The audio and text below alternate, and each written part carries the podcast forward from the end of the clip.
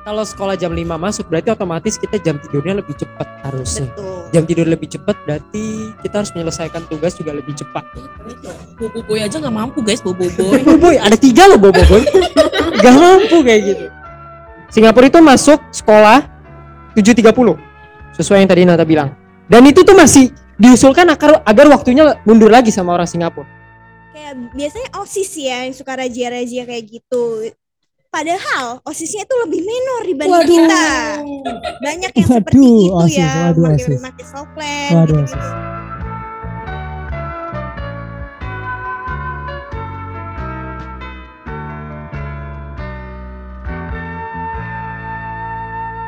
Selamat pagi, selamat siang, selamat sore, dan selamat malam buat lo yang dengerin podcast plus 62 episode ke 67 Episode ke 67 dari podcast plus 62 Bersama gue host yang selalu terlambat masuk sekolah Raka Renur Uh, buat kalian yang dengerin podcast ini di mana pun lo dengerin podcastnya uh, follow kita di Spotify, Pogo FM, Apple Podcast, Google Podcast dan di mana pun lo dengerin podcastnya.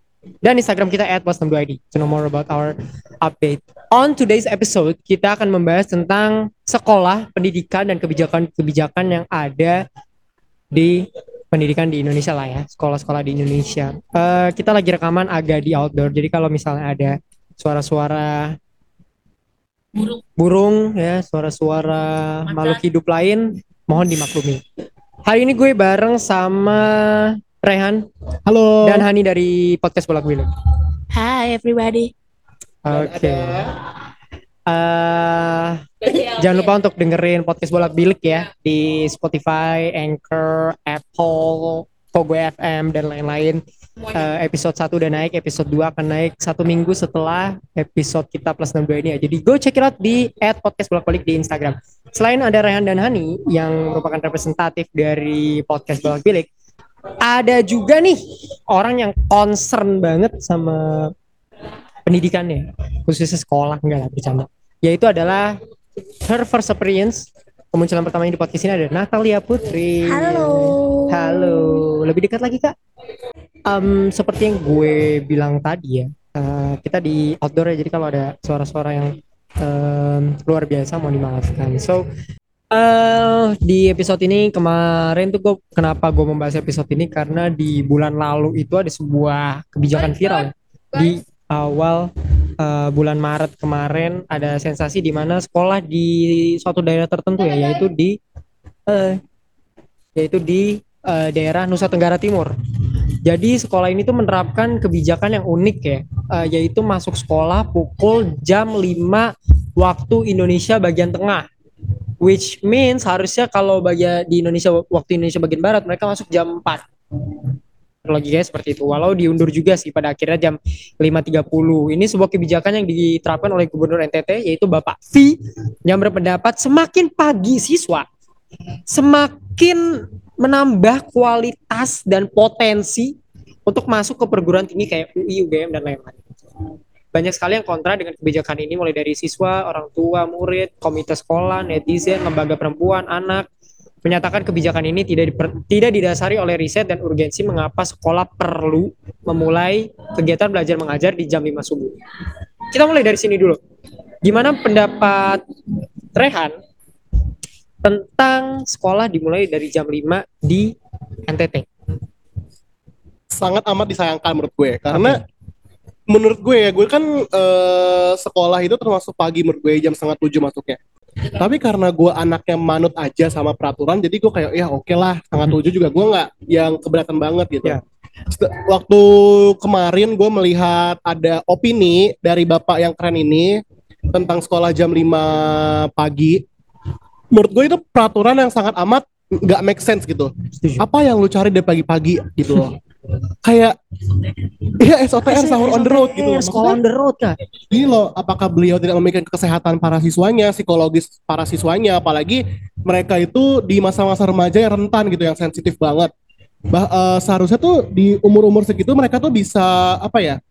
Bisa mengetahui minat mereka di luar sekolah gitu, kayak misalkan ikut les atau ekskul juga atau mungkin ikut komunitas-komunitas dance sesuai hobi mereka gitu. Jadinya apalagi kan beliau bilang katanya jam 5 pagi sampai sore juga kan. Iya. dan itu sangat amat disayangkan karena orang-orang kerja maupun kuliah aja tuh nggak ada yang seperti itu gitu dan iya di itu di over 8 jam loh iya itu overwork itu bisa bilang overwork lah ya overwork gitu lah sekolah. dan kalau tujuan beliau hanya ingin mengantarkan murid-muridnya ke PTN ternama perguruan tinggi ternama itu kan nggak semua orang pengen masuk ke PTN ya Gak semua orang pengen dari kuliah dari sekolah langsung ke bangku kuliah gitu. Ada yang pengen bekerja, ada yang pengen apa namanya eh keluar negeri mungkin dengan segala macam impian mereka gitu. Jadinya kalau menurut gue kalau hanya untuk menambah penerimaan perguruan tinggi negeri di top 3 ini sangat amat disayangkan sih menurut gue karena gue salah satu anak yang eh, tidak menargetkan diri gue untuk masuk ke perguruan tinggi negeri tersebut. Kalau gue gitu. apalagi dengan kayak baru mulai kayak jam 5 apakah itu akan apa namanya apakah itu akan berpengaruh gitu? Iya, bagi gue sih kalau lu sekolah jam 5 itu sangat itu sangat amat malah itu berpengaruh bagi ini ya performa para murid ke depannya Hmm, gitu. betul, Jadinya mereka gue. mungkin agak malas atau kesehatan mereka yang terganggu Hmm. gitu sih kalau menurut gue. oke oke menurut Hani sekolah jam 5 ya menurut gua itu sangat amat aneh sih ya maksudnya jam 5 subuh loh itu bahkan baru baru selesai azan gitu kan kita tapi udah kan itu udah kita udah mulai sekolah udah ada di kelas dan menurut gue itu bak maksudnya mending ya kalau sekolahnya cuman sama rumah tuh cuma lima menit gitu kan. Ya bisa lah bangun jam setengah lima tapi bayangin kayak gua nih ya dulu gua sangat amat jauh gitu sekolah ke rumah. Itu pasti ada yang bangun jam 3 atau bahkan jam setengah empat. Maksud gue apa yang dicari tadi bener kata Rian apa sih yang dicari dari lu sekolah jam 5 itu apa? Dan menurut gua tadi bener kayak males sekolah udah set, udah stres di rumah ditambah setelah dia sekolah nih belum les gitu kan. Belum ngerjain tugas. Belum lagi eh, kelompok-kelompokan kayak gitu. Dan bahkan eh, mereka tuh ngerjain tugas misalnya baru free itu jam 9 ke atas gitu. Dan mereka baru tidur jam 12-an dong. Kan kayak nggak mungkin kan kita abis ngerjain tugas nggak refreshing dulu main HP main TikTok gitu kan. Dan harus bangun di jam 3 di jam 4 menurut gue kayak malah itu kayaknya tuh sebulan juga orang bisa tipes gitu loh. Menurut- iya kan bukan tipes lagi. Bahkan yang lebih parah jadi kurang gizi gitu gara-gara nggak makan-makan kan bisa jadi. Jadi kayak sangat amat disayangkan apalagi juga berubahnya cuma 30 menit ya. Itu juga menurut gue gue aja yang sekolah jam setengah tujuh aja menurut gue udah kayak ya lo ngapain sih sekolah segini paginya? Gitu loh.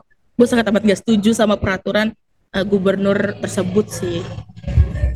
Tapi beliau tuh kekeh gitu ini akan menjadi revolusioner untuk eh, pendidikan di Indonesia gitu.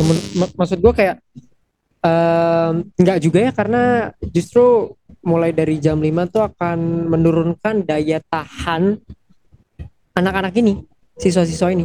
Maksudnya lu mulai dari jam 5 kayak orang kan masih ngantuk nih masih kayak beler gitu loh matanya ya kan? Masih kayak beler banget masih gua aja bangun jam kita sekolah jam setengah tujuh gua bangun jam 6 tuh belum langsung bangun kayak kayak gue masih kayak Apa? Iya, sama gue juga bengong-bengong dulu. bengong-bengong Iya. dulu ya kan kalau jam 5 tuh bengong-bengongnya dari jam 3 dong berarti ya Iya? Lu harus, benar-benar. harus masuk dari jam 3 buat bengong-bengong satu jam jam 4 terus cabut jam 5 belum kalau rumah lu ditempuh dengan jarak yang lebih dari 9 kilo Iya, gitu benar. kan itu sih yang menurut gue agak jadi concern gitu nah eh gue geser ke eh, Nata jam berapa idealnya menurut lo siswa di Indonesia? Khususnya kalau kita kan tinggal di Jabodetabek ya. Iya. untuk memulai kegiatan belajar mengajar. Ini asumsi ya udahlah kita ya udahin si gubernur tersebut.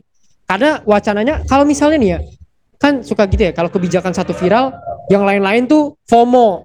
Yang lain-lain salty eh, apa namanya eh, lata ikutan eh, bikin sekolah jam 5 juga. Ya, mikir wah bagus nih. bagus nih kita ya kan ada masuk-masuk lagi pengalian. Menurut lu sendiri jam berapa idealnya kita khususnya anak-anak SMA di Jabodetabek? Dulu deh memulai sebuah kegiatan belajar mengajar. Is it 6.30 is it 7 is it 7.30 jam 8 Menurut saya sih ya, idealnya itu mungkin sekitar jam 8 atau setengah 8 lah ya. Jadi kayak 7.30 jam ya 8 oke 7.30 oke jam 8 karena Hmm. Kan harus ada persiapan yang yang tidak singkat gitu loh, Hmm. belum mandinya, belum persiapan itunya, belum kalau emang rumahnya jauh gitu kan harus pakai nggak tahukah punya peng- eh, kendaraan, Kendaraan pribadi, pribadi. atau emang dia naik kendaraan umum gitu. Itu kan menempuh eh, ke sekolahnya itu kan lumayan lah ya, misalkan emang rumahnya tidak dekat gitu. Jadi kalau terlalu terburu-buru terus terlambat dan dihukum atau segala macam itu kan sangat tidak baik ya. Karena Jadi kayak- kalau kalau telat kan sekolah kalau siswa telat ya 30 menit. Iya, sisa eh, telat aja dihukum. Menurut Bener-bener. saya aku sih idealnya jam 8 lah ya. Jadi tidak terlalu terburu-buru dan Biar lebih efektif juga nggak sih? Orang orang butuh butuh re- recharge energi tuh butuh recharge lama loh. betul. bengong Bengong. bengong Bengong tuh butuh lama terus kalau sekolah jam 5 masuk berarti otomatis kita jam tidurnya lebih cepat harusnya. Betul. Jam tidur lebih cepat berarti kita harus menyelesaikan tugas juga lebih cepat. bobo boy aja nggak mampu guys bobo boy Boboiboy, ada tiga loh boboiboy. Gak mampu kayak gitu. Kita pulang sekolah let's say jam 5 itu udah 10 jam. Eh itu udah 12 jam in fact kalau se- kalau sambil eskul dan lain-lain. Itu udah 12 jam belum kita ngerjain tugas-tugas kayak Yes. tadi Hani bilang kayak kelompok tugas dan segala macem gitu. Soalnya ini aneh, ini salah satu yang aneh sih menurut gue. Kebijakan ini kan mereka mulai jam 5, tapi KBM-nya mulai jam 6. Jadi kayak lu ngapain? Ada spare waktu satu jam apakah untuk dikasih buat tidur? Maksudnya kenapa? Kenapa nggak sekalian jam 6 gitu loh? Jam 6 aja menurut gue udah aneh loh. Masuk jam 6 itu kan matahari belum begitu terbit ya. Jam 6 waktu Indonesia bagian tengah. Eh ada beberapa yang tadi kita kalian omongin kayak rumahnya jauh dan segala macam tapi apalagi yang membuat sekolah jam 5 ini kayak kebijakan yang buruk. Sebutkan satu aspek yang membuat kebijakan ini menurut kalian gak make sense. Yang akan Satu memberikan kayak kayak kayak dampak, kayak dampak gitu. Kayak apakah ini akan berpengaruh kepada mental siswa atau ke orang tua kah atau ini kah menurut Nata satu dampak yang akan membuat ya yang bisa kita bilang membuat kebijakan ini nggak make sense gitu kepada siswa ya dampak kepada siswanya. Menurut aku yang nggak make sense itu adalah di bagian keselamatannya sih. Karena dari pengalaman aku yang pernah sekolah di Nusa Tenggara Timur, tapi Uh, bagian ngeri Labuan banget. Bajonya pas kelas Ngeri. 6 SD itu pernah apa ya? Itu tuh eh, siswa-siswanya itu lebih ke jalan kaki. Hmm. Nah, apalagi kalau sekarang jam 5 subuh itu mereka tuh harus jalan dari jam berapa gitu. Kelihatan juga jam masih gelap gitu. Masih iya, gelap. keselamatan kita nggak tahu ya di jalanan ada apa orang jahat kah atau gimana gitu kan.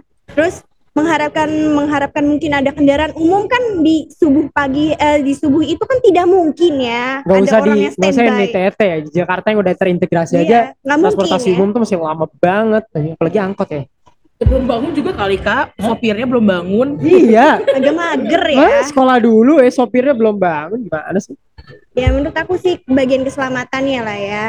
Karena sangat disayangkan itu mungkin tidak terpikirkan di bagi eh, dari Sama gubernurnya. gubernurnya itu. Jadi kayak ya agak kurang lah. Oke oke. Dari Hani. Ya, kalau gue lebih memikirkan mental siswanya sih ya. Maksudnya yang tadi gue bilang dia bangun jam berapa, belum lagi dia kayak nggak punya hal yang dipikirkan lagi kecuali sekolah gitu gak sih? Kalau jam 5 kayak dia dia baru bangun aja udah mikirin ya lo besok gue harus bangun jam 5 lagi. Ya lo gue besok harus sekolah jam 5 lagi. Kayak ya lo kasihan banget lo nggak ada pikiran lain selain sekolah doang gitu. Da- dan menurut gue juga kasihan orang tuanya gitu loh. Yang apalagi eh, kalau orang tuanya tuh yang mengharuskan masak buat anaknya gitu kan. Itu harus bangun jam 12 kali ya kayak tukang warteg jatuhnya guys. Lagi kalau orangnya kerja ya kan. Iya kan, dia kayak ya Allah kasihan banget. Mungkin itu sih, gue juga sangat mensayangkan kayak kenapa pas mungkin ini kan dirumuskan terlebih dahulu ya sama pihak-pihak gitu, dan mereka tuh nggak ada yang eh, kayak eh kayaknya ini nggak make sense deh atau jangan deh pak gitu, karena ya kasihan juga muridnya gitu. Gue lebih kayak kasihan muridnya sih sebenarnya gitu sih. Iya, yang paling kasihan dari dari kebijakan ini ada sih guru-gurunya tapi kan maksudnya kan gurunya tuh guru-guru tuh udah bisa live by their own. Iya, Walaupun pasti ada dong guru-guru honorer Iya yang dibayarnya nggak seberapa tapi mereka harus berangkat guru kan eh, logisnya harus berangkat lebih pagi daripada siswa. Which Iya. is jam 4, 4.30 gitu kan. Biasanya tuh guru-guru rumahnya lebih jauh loh daripada siswa. Iya, Dulu ada guru SMA gua, gua sekolah di Joglo Jakarta Barat. Guru gue tinggalnya di Depok dan Bekasi. Ada juga yang tinggal di Kota Bumi. Biasanya kan guru-guru tuh lebih jauh rumahnya gitu. Jadi kayak gak concern. Kalau gue sendiri yang udah yang gue jelasin tadi ya kayak kesehatan dan gue juga tadi setuju banget sama Nata soal keamanan karena apalagi yang bawa motor pribadi ya itu pasti kan keburu-buru kan. Gue fun fact gue pernah jatuh tiga kali selama di selama mau berangkat. Selama mau berangkat sekolah karena terburu-buru. Itu kan eh, oh ya waktu itu gue inget banget lagi mau pendalaman materi. Jadi Oh. itu udah kelas 12 udah wacananya mau UN btw gue angkatan 2020 yang gak jadi UN Hah? Eh, jadi gue terburu-buru karena gue diharuskan masuk itu jam 6 pas gue eh, pendalaman materi gue itu materi dulu pagi. di awal pagi Damn. soalnya waktu itu sempat di vote eh, sempat di vote sama beberapa anak dan juga orang tua dan kebanyakan tuh setujunya di pagi hari karena mereka beranggapan kalau misalkan di sore hari itu menghambat aktivitas kursus ataupun oke. ekskul Mengerti, mengerti. gitu jadinya di pagi hari dan gua kan eh, rumah gua tuh gak yang jauh banget tapi harus ditempuh pakai motor dengan agak ngebut ya karena agak mepet nih 15 menitan gitu Betul. terus ya keselamatan lah istilahnya kayak orang tuh buru-buru belum lagi yang apalagi yang bawa mobil suka macet gitu kadang suka ugal-ugalan juga nih yang bawa motor atau mobil gitu sih kalau gue gitu Oke oke. Keselamatan itu juga paling penting kayak tadi kata Nata bilang bahkan eh, yang udah pernah pengalaman sekolah di Labuan Bajo aja ternyata tuh masih harus jalan. Berarti kan mereka dari segi transportasi tidak memadai. Lain bedanya kalau lu ngomong di Jabodetabek Iya, itu udah oke lah ya. lah. Bahkan sekarang Transjakarta udah 24 jam. Iya. Walau tetap nggak oke tapi menurut gue eh, seharusnya bisa yang lain sih. Tapi kan kalian masih anak muda walaupun kalian udah nggak di bangku sekolah lagi gitu ya tapi kan kalian udah paling deket lah yang merasakan kebijakan-kebijakan di akhir-akhir ini khususnya Nata, Rehan dan Hani yang eh, dari tiga angkatan berbeda menurut kalian apa sih yang membuat sebuah kebijakan kebijakan apa sih yang bikin sebuah eh, proses pendidikan itu jadi ideal gitu kayak model belajar apa yang membuat kita nggak tertinggal dari negara lain atau bahkan meningkatkan kompet- kompetensi siswa. Ini gua kasih statistik dari Program for International Student Assessment atau PISA tahun 2018 performa siswa Indonesia ini berarti sebelum pandemi ya. Gua nggak tahu soalnya kalau berdasarkan riset setelah pandemi itu menurun banget. Berarti kalau yang ini udah di sini, berarti sekarang udah menurun ya. Ini 2018. Performa siswa Indonesia tuh termasuk yang terendah di antara 79 negara. Kita menempati urutan ke 71 dari 79 negara. So kita bottom 10 dengan beberapa metris kayak posisi 71 kemampuan membaca, 70 kemampuan matematika, 69 kemampuan sains. Persentase siswa dengan performa rendah di semua subjek tersebut itu mencapai 51,7 persen, lebih dari setengah, lebih dari sebagian besar. Dan salah satu yang tertinggi dari semua negara yang berpartisipasi di PISA. Bisa dibilang kita yang terendah lah, top 10 worst. Kalau ngomongin jadwal masuk sekolah, gua ngasih perbandingan sama negara tetangga yang udah jauh lebih sukses ya. Singapura. Singapura itu masuk sekolah 7.30 sesuai yang tadi Nata bilang. Dan itu tuh masih diusulkan agar agar waktunya mundur lagi sama orang Singapura. 7.30. Tapi orang-orang Singapura tuh kayak mundur lagi kayak mundur lagi gitu. Sementara negara dengan pendidikan nomor satu di dunia Finlandia itu masuk sekolah rata-rataannya itu adalah pukul 9 pagi. tuh guys Dan mereka pulang jam 2 siang. tuh guys So guys. basically mereka cuma menghabiskan 5 jam di dalam kelas. Itu soal eh, statistik-statistik dan eh, data-data segala lainnya. Menurut kalian apa yang ideal? Oke, kalau dari gue ya, eh, gue sih sangat amat menyetujui jikalau eh, SMA maupun SMK itu menerapkan sistem SKS yang di mana kita bisa mengambil eh, mata pelajaran yang kita suka. Karena uh, gini gue tuh sebenarnya gue nih sempat berpikir di kelas 12 gue ya di kelas 12 ke akhir gue waktu itu gue lagi bener-bener eh apa ya lagi bener-bener puyeng gitu sama beberapa tugas kita sebutnya kimia dan matematika gitu. Gue kan sebagai anak ilmu pengetahuan sosial gue ngambil IPS itu karena gue sangat amat minat untuk mempelajari tentang isu-isu sosial tentang berita-berita terkini gitu-gitu. Gue iya fenomena terkini. Sedangkan gue sangat amat tidak tertarik dengan rumus sangat dengan reaksi zat-zat bla bla bla MH karbohidrat bla bla bla itu gue sangat amat gak suka gitu. Tapi tetap di kelas 12 itu kita tetap dipaksa untuk paham semua mata pelajaran gitu. Oke lah kalau misalkan eh, mata pelajaran yang basic six basic kayak matematika bahasa Indonesia bla bla bla itu gue masih setuju. Karena emang karena emang di kuliah pun ada pengantar bahasa Inggris maupun bahasa Indonesia. Tapi dengan mata pelajaran yang kayak eh, fisika fisika yang perminatan kimia yang peminatan itu kalau anaknya nggak minat apakah boleh gak ngambil gitu kan ya? Jadi kayak misalkan gue sempat dengar di Amerika Serikat dia itu ada eh, menerapkan sistem SKS kayak misalkan sta- statistik level pertama statistik sampai level, statistik level ketiga.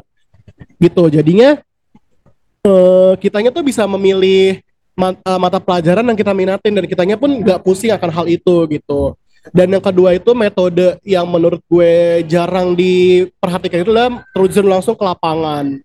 Kalau menurut gue itu, Eh, gue sih baru dapat terjun ke lapangan itu ya tentang eh, masa depan atau perkuliahan. Gue baru dapat di kelas 12 karena gue tuh mengunjungi beberapa apa namanya beberapa universitas kan dan itu tuh dijelasin per jurusannya gitu yang gue suka makanya gue bisa masuk ke jurusan hubungan internasional ini gitu.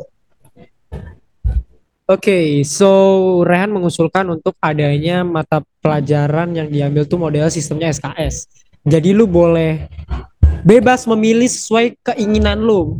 Mungkin nggak nggak kayak Finlandia ya yang ngambil musik musik aja ini ini aja, cuman boleh ada ada eh, mata pelajaran mata pelajaran tertentu yang ya bisa lu ambil sesuai dengan keinginan lu gitu. Itu kan yang terjadi di eh, dunia perkuliahan kan. Iya istilahnya kayak mata pelajaran wajib lah kayak misalkan matematika, Iya. bahasa Indonesia, bahasa Inggris gitu. Betul betul betul. Emang harus harusnya seperti itu sih. Jadi lu tidak tidak ha- tidak harus eh, apa namanya? Oh iya. Tidak harus mengambil seluruh seluruhnya untuk lu pelajarin. Kalau dari Rehan seperti itu, lu ada mekanisme lain nggak? Tani. Oke, kalau Rehan kan lebih ke eh, mata pelajarannya gitu lah ya, Hmm. lebih ke teknis. Ya. Tapi eh, ini pengalaman gue ya, gue tuh eh, beber- eh, beberapa hari yang lalu gitu, gue ngobrol sama anak dari sekolah internasional gitu kan. Sekolah internasional. Oke. Ya, dan itu tuh menjadi eh, gue langsung pas mereka ber- Nah, pas mereka bercerita gitu ya, gue jadi amazed gitu kayak karena eh, dari gurunya dan muridnya itu kayak nggak ada apa ya gap gitu loh? Oh, oke oke. Jadi, Jadi- kayak hubungan antara mereka tuh kayak bukan sekedar guru sama murid aja. Iya, bukan sekedar cuman eh, guru sama murid yang eh, mengajar dan diajar gitu. Setuju. Tapi mereka juga kayak bisa jadi teman, yes. bisa sharing lah Yap, seputar itu yap. pelajaran ataupun di luar pelajaran yang mengganggu aktivitas mereka di sekolah gitu kan. Betul. Itu menurut gue jadi bahan pendorong penting sih bagi siswa sekarang kayak oh eh, jadi merasa lebih dekat sama sekolahnya, sama gurunya bahkan sama eh, mungkin bisa jadi motivasi siswanya itu jadi ngejar cita-citanya gitu loh. Eh, sama itu sih menurut gue kayak sebenarnya kerja eh, tugas-tugas kelompok tuh sangat penting menurut gue karena Hmm, oke oke. eh, Unpopular opinion ya? Unpopular Iya, opinion sekali. opinion. Soalnya nggak banyak orang yang yang demen sama kerja kelompok. Iya, tapi Why? harus digarisbawahi ya, di highlight anggotanya harus benar semua gitu loh.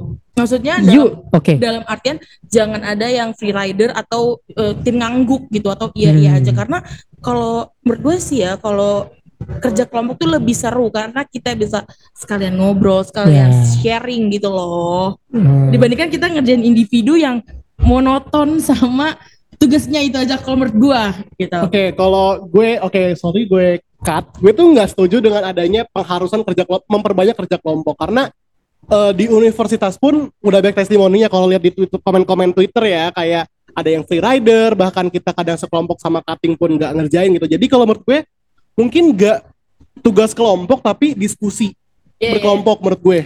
Iya nggak sih kayak misalkan ada sesi di akhir pelajaran di mana lo harus berdiskusi, berdiskusi tentang mata pelajaran hari ini gitu. Gue sih lebih setuju kayak gitu dibanding kebanyakan kerja kelompok karena keenakan karena kan seperti yang lo katakan tadi tergantung orangnya. Nah itu tuh tergantung individunya juga nih mau kerja atau gimana atau enggak gitu loh. Jadinya gue agak gak setuju sama statement lo tadi menurut gue gitu. Oke. Ah. Ya ada ada ada beberapa pertimbangan sih. Gue sih setuju, maksudnya kerja kelompok it's okay, but kita nggak bisa menentukan mereka harus eh, harus nggak free rider karena itu harus awareness dari gurunya itu that's why kayak poin pertama yang lu kasih guru dan murid tuh jangan ada boundaries tapi jangan kurang ajar juga gitu Iya. gurunya benar-benar harus mengayomi dari Nata deh eh, menurut lu apa yang Kalau Apa? dari aku model belajar ideal eh, lebih ke dibebasin aja siswanya memilih eh, kayak lebih difokuskan memilih pelajaran yang dia sukain Hmm, gitu kayak. Rehan tadi ya berarti Iya betul. Agak sama dengan sistem SKS tadi gitu. Karena eh, banyak kita yang anak SMA eh, khususnya saya dulu itu kan harus dipaksa mengerti semua mata pelajaran. Harus eh, mengerti dan apa sih namanya? 12 mata pelajaran Iya, men, yang harus iya, kita iya. kita pelajarin dan kayak harus harus pandai dalam mata pelajaran itu gitu kan.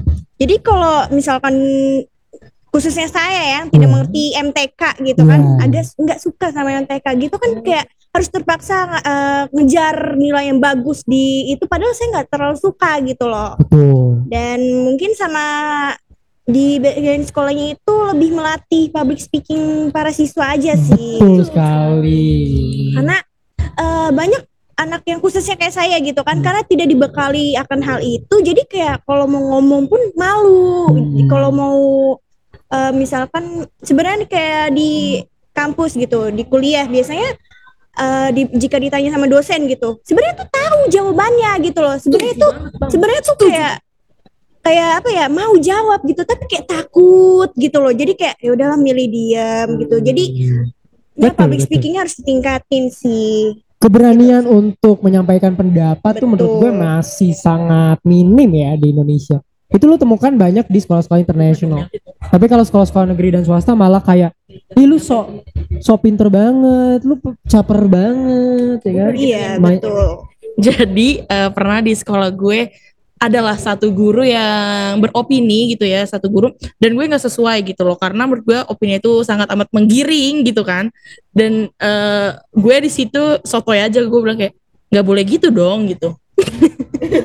Dan saat itu juga gue gue ngerasa gue di diomelin gitu loh gue dipojoki kalau misal akan-akan kayak eh, siswa tuh nggak boleh kurang ajar sama gurunya padahal gue niatnya bukan buat kurang ajar tapi kayak eh, lebih baik nggak beropini seperti ini karena bakal menggiring gitu loh nantinya gitu. Tapi gue juga ngerasa kayak kok gue disalahin dan eh, gue agak malu sih karena itu kan di depan teman-teman gue. Jadi gue kayak agak-agak ah mendingan gue gak usah ngomong tadi kayak gitu. Jadi menimbulkan mental-mental mending gak usah ngomong daripada Iya, ngomong betul. salah gitu emang. karena akan ketakutan itu sendiri ya Ada takut disalahin. That's why gue gak tahu ya kalau asesmen guru-guru di Indonesia nih peringkatnya berapa? Karena menurut gue rendahnya kompetensi siswa juga dibarengi sama rendahnya kemampuan guru dalam mengajar Betul gitu. sekali. Tapi di sini kita nggak ngomongin guru.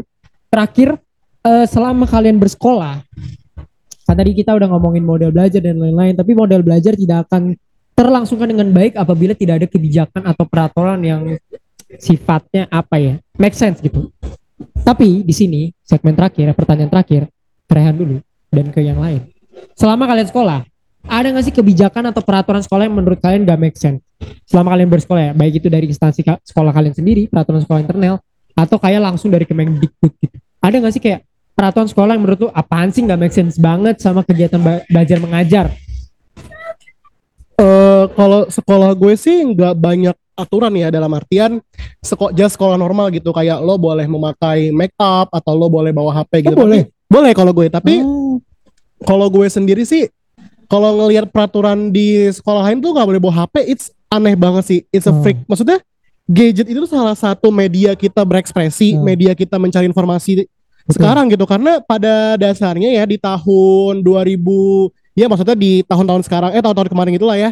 Itu kan media sosial lagi kencang-kencangnya kan. Bahkan lo tuh lebih bahkan gue sendiri pun lebih tahu informasi terkini tuh dari media sosial dibanding dari guru-guru di sekolah gue gitu. Karena ya you know lah Terus eh dan kalau menurut gue sih kalau pakai make up itu sewajarnya aja sih ya karena Yep, yep. eh, selama SMA pun kita masih underage dan kita pun nggak tahu eh, zat apa aja yang di, ada di make up gitu. Jadi gue tuh agak setuju kalau misalkan guru-guru agak strict tentang hal make up gitu. But kalau misalkan gue suka dengar guru-guru tuh kadang suka ngejulitin Eh, eh, suatu, iya siswi yang siswa-siswi yang agak apa namanya memakai make up gitu. Berlebihan. Bahkan teman-teman gue pun suka dijulitin gitu. Jadinya Eh, kalau menurut gue eh, make up ya ya udah asal sewajarnya just use powder or lip tint gitu. Cuma kalau urusan tentang seragam, tentang sepatu, tentang rambut untuk saat ini gue menyetujui hal itu karena bukannya eh, gue tuh bukan orang yang trying to be western gitu kayak iya, iya. apa namanya membuat kita harus diharuskan pakai baju bebas atau Iya. gondrong gitu. You can enjoy it in university gitu loh. Kayak lo bisa bebas berekspresi apa pun. Cuma kalau misalkan di sekolah ya ya udahlah eh apa namanya ikutin aturannya itu sih. Dan mungkin peraturan seragam itu juga agar kita nggak kelihatan beda kali ya karena apalagi di sekolah negeri kan karena gak semua orang iya benar-benar kesetaraan jadi nggak semua orang tuh kan bisa mampu terlihat baik gitu di depan orang-orang dengan outfit outfit outfit tertentu gitu jadinya kalau menurut gue seragam itu diperlukan kalau menurut gue ya Oke, Hani.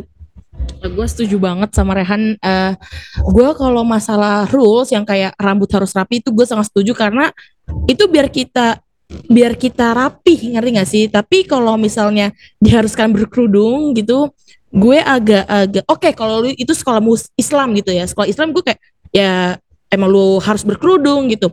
Tapi kalau sekolah kayak let's say negeri menurut gue itu agak memaksa ya untuk berkerudung kan kayak emang kerudung itu diwajibkan dalam Islam tapi nggak semua muslim kan pengen pakai hijab belum ingin memakai hijab gitu dan kalau yang seragam nih gue punya sedikit cerita ceritanya gitu Eh dulu pas gue apa namanya pendalaman materi itu gue dibebaskan untuk pakai seragam bebas. Dan itu emang beneran kelihatan banget. Kayak malah jadi audu outfit. Beneran kayak temen gue yang make yang bener-bener ekstra. Lu ngerti gak sih? Kayak lu prepare banget nih buat pendalaman materi aja lu prepare gitu. Sedangkan ada orang yang kayak cuman make kaos sama legging gitu. Jadi menurut gue seragam tuh masih oke. Tapi kalau sepatu gue masih agak kenapa harus hitam gitu padahal kayak sepatu putih ungu merah itu juga sama bagusnya gitu loh kecuali lu pakai wedges atau high heels ya itu menurut gue udah agak hmm, hmm, aneh gitu kecuali kecuali kalau sekolah lu pariwisata atau perhotelan Iya iya kecuali gitu. Tapi kalau misalnya warna ya ini ngomongin warna, menurut gua nggak ada yang masalah dari warna sepatu sih seperti itu. Oke. Gue setuju nanti gue akan kasih sedikit. Dari Nata. Kalau keanehan dari sekolah saya adalah ketika telat itu kunci motor diambil. Mau mau gimana pun itu akan diambil. Jadi itu akan ditahan sampai jam 3 sore. Sampai bener misalkan sekolah selesai jam 12, itu dibalikin jam 3 sore.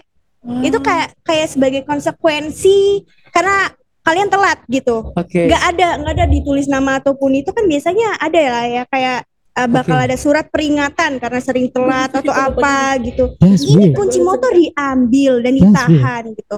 Bahkan kayak sampai mohon-mohon di eh, di ruang guru gitu Iya, kayak misalkan banyak hal argen eh, kayak misalkan ada keluarganya yang meninggal Hmm. atau apa itu bener-bener ditahan nggak akan Anjir. nggak akan nggak akan diperbolehkan karena mungkin mereka mengira ah bohong ini mah gitu. Oh iya iya. jadi benar-benar harus nunggu jam sampai jam 3 sore. Dan mungkin yang hal aneh lagi eh, adalah yang mungkin benar apa kata Karehan tadi adalah razia make up. Oh, Oke. kayak biasanya osis ya yang suka razia-razia kayak gitu. Padahal osisnya itu lebih minor dibanding Waduh. kita. Banyak yang seperti Waduh, itu OSIS, ya waduh, pakai pakai soplen gitu-gitu karena dia osis jadinya kayak diperbolehkan saja gitu kan padahal kita kita yang siswa biasa kayak pasti dijulitin sama osis-osisnya atau guru-gurunya gitu sama yang paling terakhir adalah kelengkapan seragam saat upacara Hmm. Kan Ah itu saya setuju sekali anjir.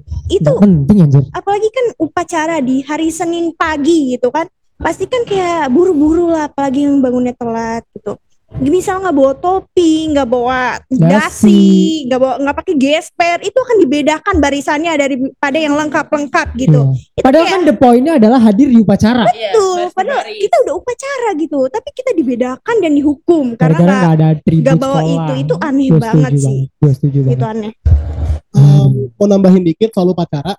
Menurut gue kenapa kita diharuskan lengkap beratribut satu upacara itu karena mungkin ini ya kayak menghargai perjuangan pahlawan kali ya. Gue mengerti. Iya, jadi kayak kita diharuskan rapi gitu memakai atribut lengkap gitu. Cuma ya kadang gue juga pernah sih ya disuruh maju ke lapangan gara-gara gak bawa dasi cuma ya udahlah. Hmm. Itu karena dasi gue hilang coy. Dan terus gue juga pengen menambah keheranan gue kenapa kita saat ospek diharuskan botak. Iya. Iya, Like, what the what the what? Iya kan? What, what sih kayak correlation? Kayak gue waktu masuk SMP dan SMA itu gue inget banget gue disuruh pos potong modelnya itu namanya 135 Iya, iya, iya, ya pokoknya di paling bawah ini satu senti Hah? paling atas gue 5 senti jadinya botak gitu jadinya semua orang tuh sama-sama botak gitu jadi lucu anjir kayak apa ya, kayak abri kalau menurut gue Iya, gitu iya. sih. Agak-agak beberapa sekolah tuh agak-agak meng- menganut unsur militeri ya sebenarnya ya actually. Terakhir Oke, gue mau nambahin dikit ini gara-gara Nata mention keterlambatan. Jadi gue baru ingat di sekolah gue itu eh, kalau terlambat itu harus skip 2 sampai 3 jam mata pelajaran. Dan gue tipe orang yang mendingan gue telat karena gue gak suka pelajaran yang jam pertama ngerti gak sih? Jadi iya jadi ini emang salah gue ya. Gue jadi eh, waktu itu inget banget matematika di hari Sen di hari Selasa itu jam pertama dan gue malah milih ya udah gue telat aja orang gak belajar ini gitu. Dan olahraga gue paling gede banget sama olahraga guys. Fun fact Eh, itu gue pura-pura telat aja biar gue nggak belajar gitu jadi kayak menurut gue itu sebenarnya nggak efektif ya karena itu bakal dijadiin momentum gitu loh bagi siswa kayak mending gue telat daripada gue harus belajar itu ngakak Yap, yap. Gua terakhir ya ada peraturan keterlambatan yang sebenarnya ini akan memberikan efek jerah. Hmm. kepada subjek yang terlambat. Tapi menurut gue ini jadinya kayak membabukan siswanya. Terlambat disuruh ngepel atau bersih-bersih sekolah. Siapa korbannya? Gue. That happen di salah satu sekolah di Tangerang. Di kota Tangerang. Ini kota Tangerang ya kalau lo dengar kadang ada peraturan yang Oke, gue jerah, gue memang jerah, gue jarang lagi terlambat karena itu, karena gue nggak mau lagi eh, ngepel-ngepel dan segala macam. Cuma menurut gue ya kali sih siswa lu kayak gituin gitu seharusnya ada ada itulah yang kayak gak usah gak usah ikut jam pelajaran tertentu itu juga memberikan efek jerah kok karena kan ada pelajaran yang seru-seru terus dia nggak nggak ikut itu menurut gua aneh sih. Gue suruh ngepel by the way. Satu koridor ini loh. Eh kalau di depan sekolah apa namanya? Koridor. Eh, lobby. Iya, lobby sekolah kalau di kalau di sekolah-sekolah di eh, kota Tangerang di Teus itu di lobby itu gue suruh ngepel. Dan gue ngepel seluruh itu.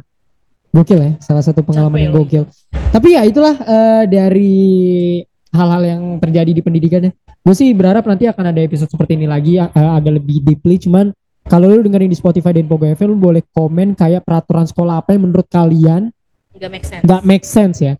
Komen di Spotify juga kalau lu dengerin. Jangan lupa untuk follow kita di Spotify Pogo FM dan di mana pun lu dengerin platform podcastnya. Follow kita juga di @plus62id di Instagram to know more about the update of our episode. Jangan lupa untuk dengerin podcast terbaru kita podcast bolak balik hadir di Spotify setiap dua minggu sekali. Sampai ketemu di episode selanjutnya. Bye Goodbye. Bye.